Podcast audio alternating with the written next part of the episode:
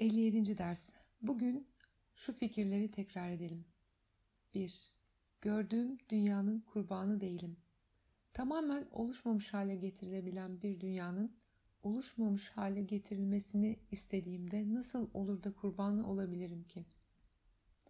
Zincirler gevşek. Sırf onları üzerimden atmayı arzulayarak bunu yapabilirim. Hapishanenin kapısı açık. Yürüyerek kolayca dışarı çıkabilirim. Beni bu dünyada tutan hiçbir şey yok. Beni hapseden sadece kalma dileğimdir. Akıl dışı dileklerimden vazgeçerek sonunda gün ışığına doğru yürüyeceğim. 2.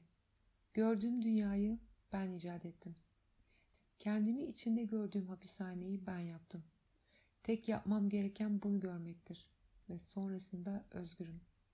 Tanrı'nın evladını hapsetmenin mümkün olduğuna inanarak kendimi kandırdım. Bu inanca acı bir şekilde kandım ve artık onu istemiyorum. Tanrı'nın evladı sonsuza kadar özgür olmak zorundadır. O, Tanrı'nın yaratmış olduğu gibidir. Benim ondan yapmaya çalıştığım şey değil. O, Tanrı'nın onun olmasını istediği yerdedir. Benim onu hapsettiğimi düşündüğüm yerde değil. 3. Dünyaya bakmanın başka bir yolu var. Dünyanın amacı benim onu affettiğim amaç olmadığından ona bakmanın başka bir yolu olmalı. Ben her şeyi tepe taklak görüyorum ve düşüncelerim gerçeğin tam tersi. Dünyayı Tanrı'nın evladının bir hapishanesi olarak görüyorum. O zaman dünya gerçekten de onun özgür kalabileceği bir yer olmalı.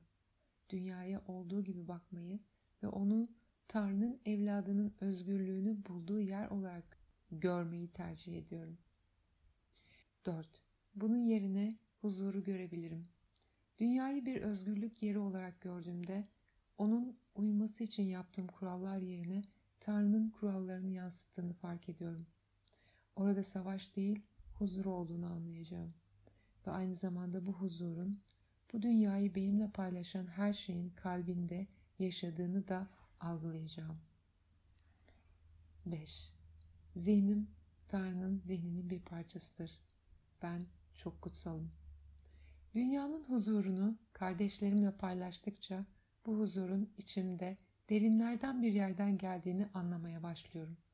Baktığım dünya affedişin ışığıyla aydınlanıyor ve affedişin ışığı geri yansıtarak beni aydınlatıyor. Bu ışıkta kendimle ilgili illüzyonların neleri gizlemiş olduğunu görmeye başlıyorum. Kendimle dahil olmak üzere yaşayan her şeyin kutsallığını ve onların benimle tekliğini anlamaya başlıyorum.